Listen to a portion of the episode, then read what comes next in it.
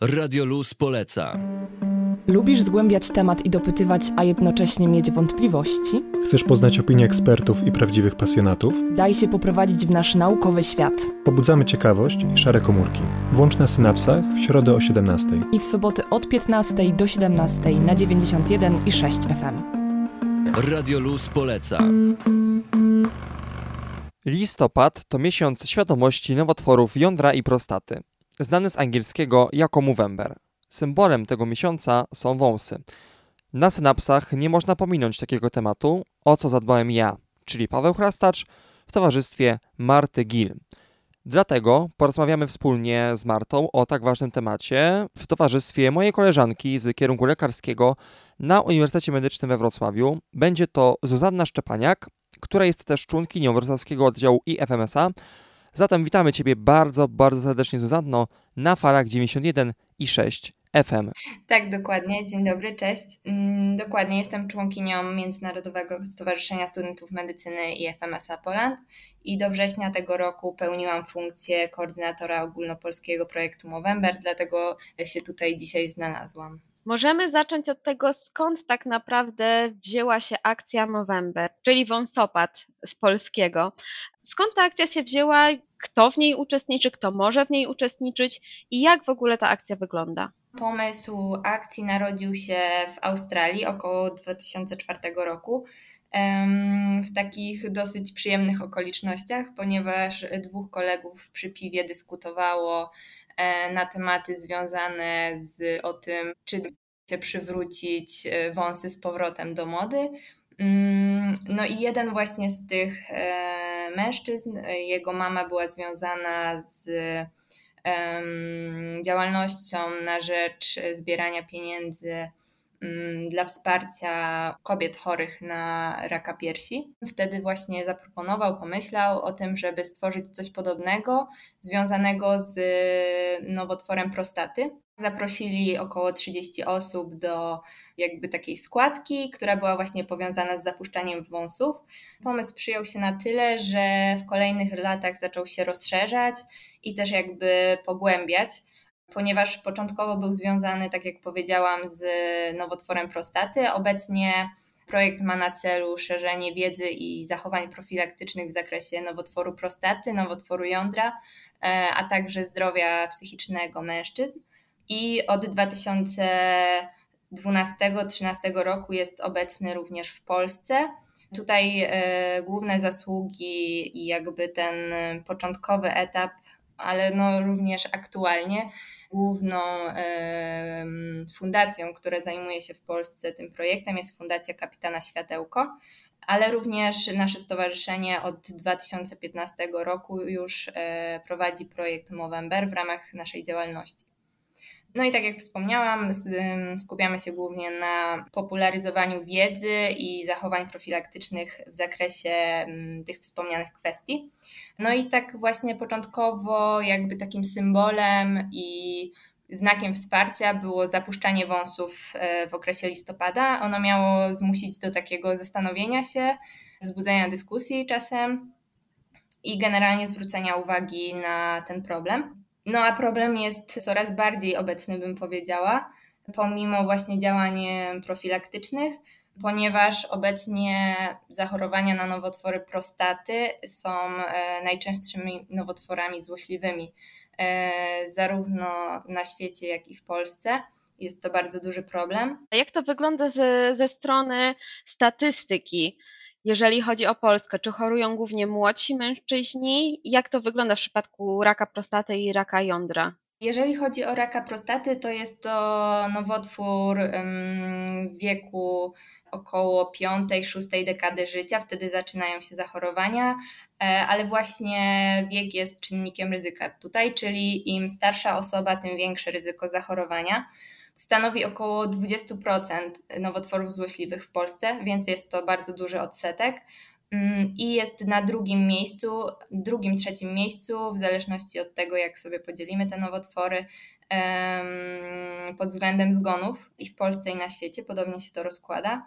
E, no i w 2019 roku, bo to jest takie, mamy najnowsze informacje mm, z Krajowego Rejestru Nowotworów, to jest właśnie rok 2019, no to liczba zachorowań na nowotwór prostaty wyniosła ponad 17 tysięcy, a liczba zgonów ponad 5 tysięcy, także są to bardzo duże liczby.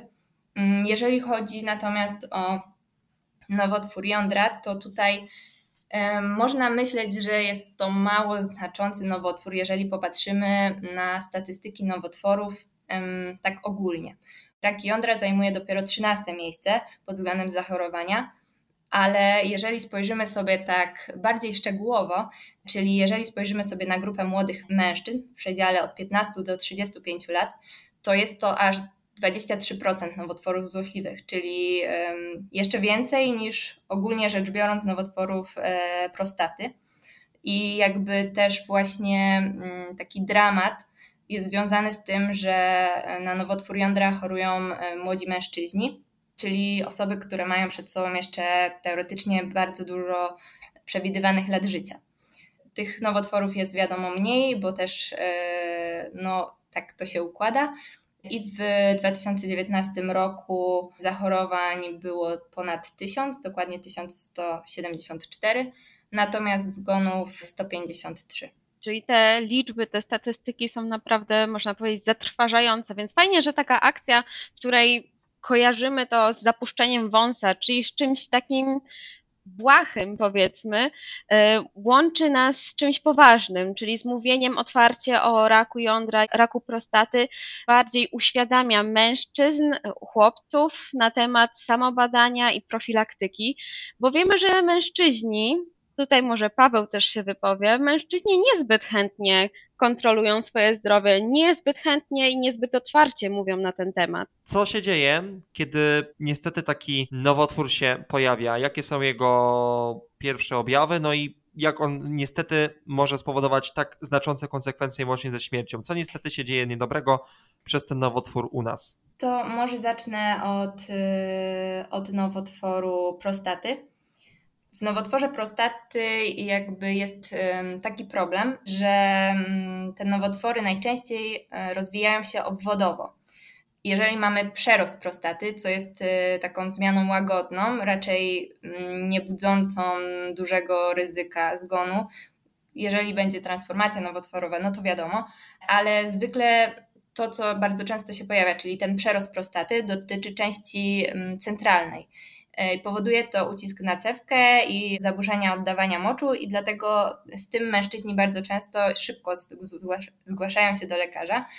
E, natomiast jeżeli chodzi o nowotwory, to właśnie one najczęściej zajmują część obwodową. E, no i to właśnie budzi takie niebezpieczeństwo, że mm, one początkowo nie dają w ogóle żadnych objawów. I te objawy bardzo często pojawiają się w późnej fazie. Może być to ból, pieczenie podczas oddawania moczu, może być to też takie uczucie ciągłego parcia y, na mocz, czyli takiego ciągłego uczucia mm, konieczności pójścia do toalety. I często jest to połączone również z, taką, z takim wrażeniem niepełnego opróżnienia pęcherza. Konieczność korzystania z toalety w nocy częściej niż to było do tej pory, czy tam po prostu wybudzanie się, konieczność y, pójścia do toalety. Mm, no ale tak jak powiedziałam, to bardzo często pojawia się dopiero w późnej fazie. A jeżeli mamy do czynienia już z przerzutami, które mogą się lokalizować w kościach, w płucach, w mózgu, w wątrobie, to są te najczęstsze miejsca przerzutowania raka prostaty, e, no to możemy mieć również na przykład spadek masy ciała albo złamania po zadziałaniu jakby niestandardowo małej siły do wywołania tego złamania. Takie złamania patologiczne. No i tutaj możemy też zauważyć um, zaburzenia w funkcjach seksualnych, czyli trudności w uzyskaniu wzwodu albo na przykład bolesna ejakulacja. I to jeżeli chodzi o nowotwory prostaty. W nowotworach jądra no o tyle jest e, łatwiej wykryć te nowotwory. Nie łatwiej wykryć, e, bo jeżeli ktoś się nie zgłosi do lekarza, no to nadal te nowotwory nie będą wykryte, ale to, co się dzieje, to są zmiany w mosznie, czyli jakby w takim bardziej dostępnym miejscu, które mm, może być, ta zmiana może być wcześniej zauważona. Mm, I tutaj też niestety czasami są to zmiany niebolesne i to jakby jest takim właśnie ryzykiem, że zostanie późno wykryte, bo najczęściej to jest po prostu niebolesne powiększenie się albo um, pojawienie się jakiegoś niebolesnego guzka w obrębie jądra. Możemy mieć również e, ginekomację, czyli powiększenie się okolicy brodawek sutkowych. Jest to związane z tym, że część z tych nowotworów jest czynnych hormonalnie.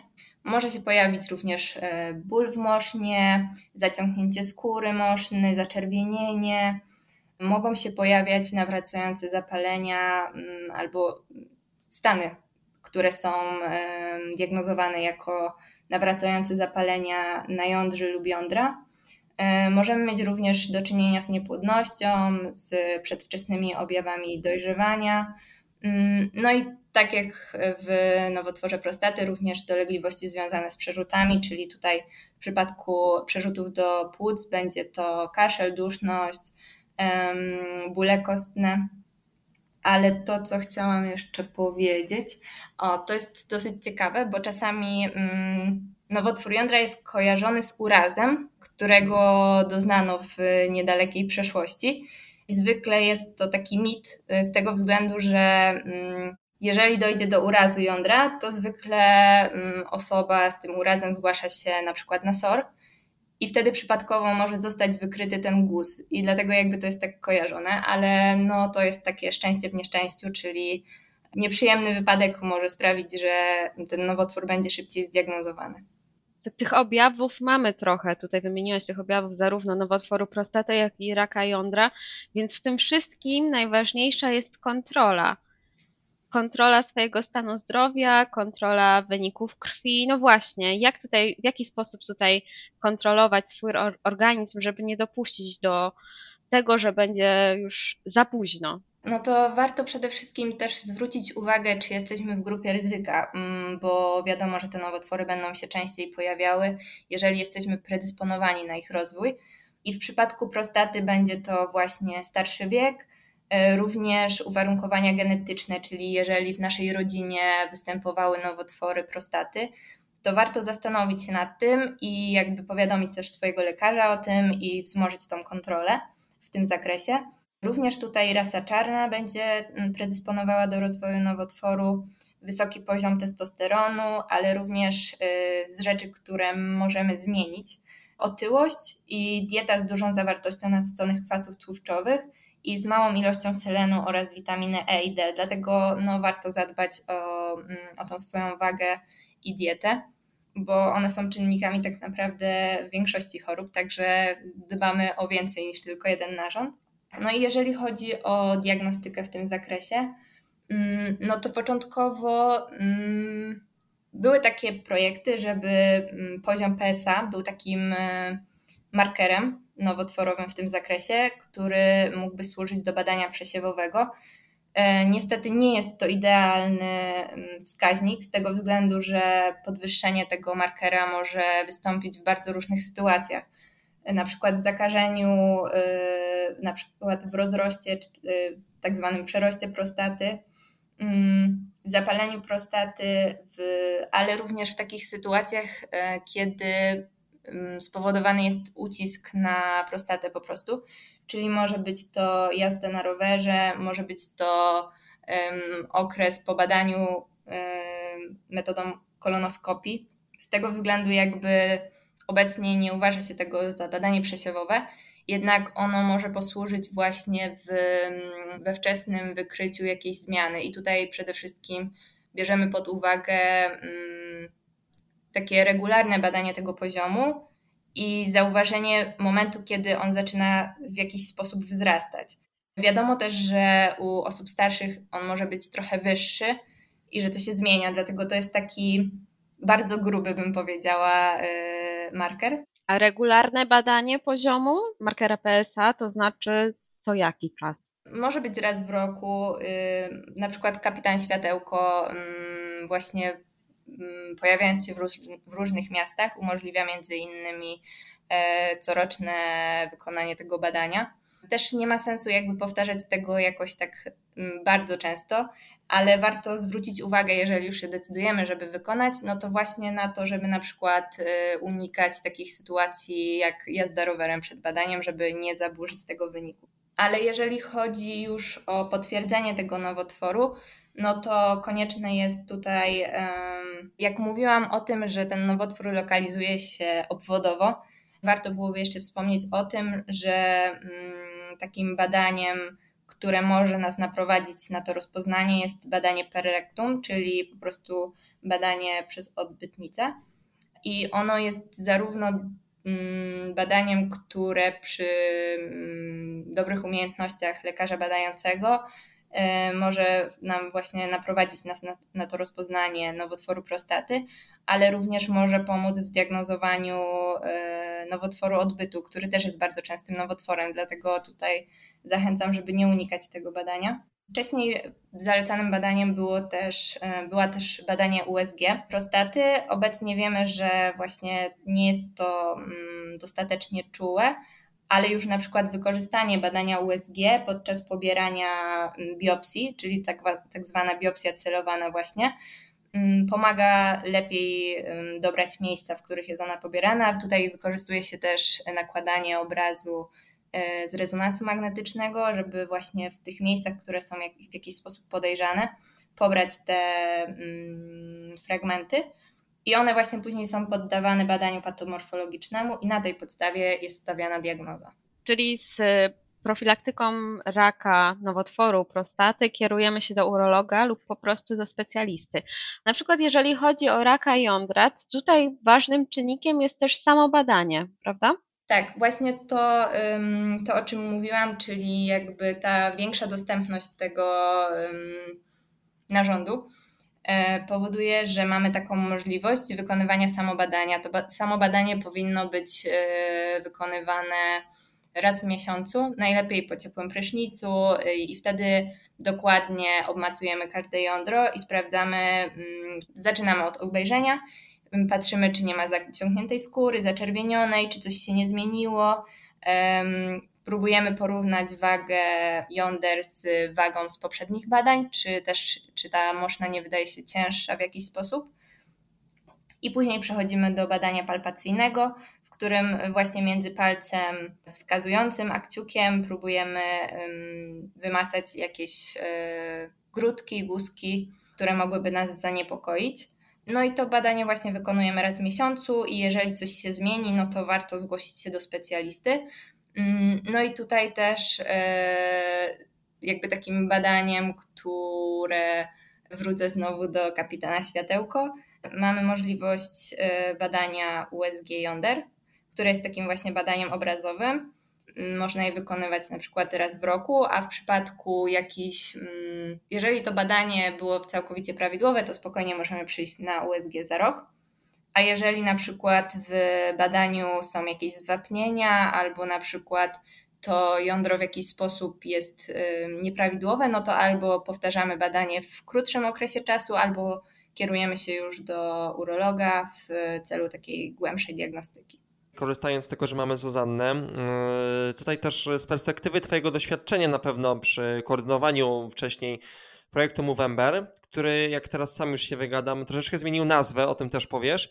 No, no, Zuzanno, mamy oczywiście mnóstwo informacji, za które Ci dziękujemy przekazanych, ale tak wiesz, po prostu jak my, młodzi tutaj i oby jak najdalej zdrowi ludzie, no czemu warto moich kolegów, wszystkie osoby właśnie yy, z prostatą, z jądrami zachęcić do tego, żeby rzeczywiście nie lekceważyć tego? Tak, to prawda. Mm, no dla mnie to jest taki ciekawy nowotwór pod tym kątem właśnie, że on bardzo szybko się rozwija, co jest niebezpieczne i jakby to szybkie wykrycie jest bardzo ważne.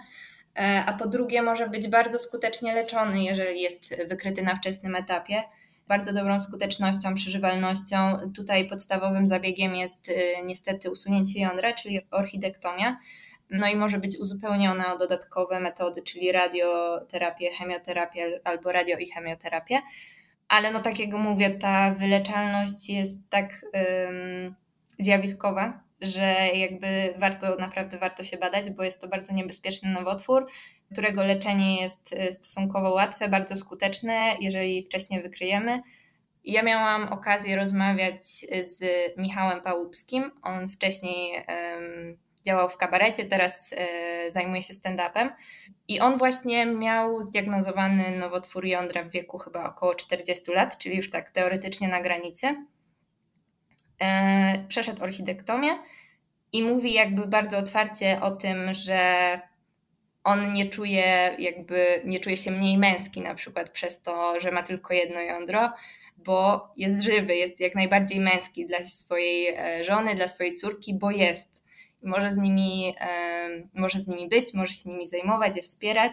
To jest, myślę, najważniejsze. Poza tym warto wspomnieć, że posiadając tylko jedno jądro, nadal można być płodnym, można być aktywnym seksualnie.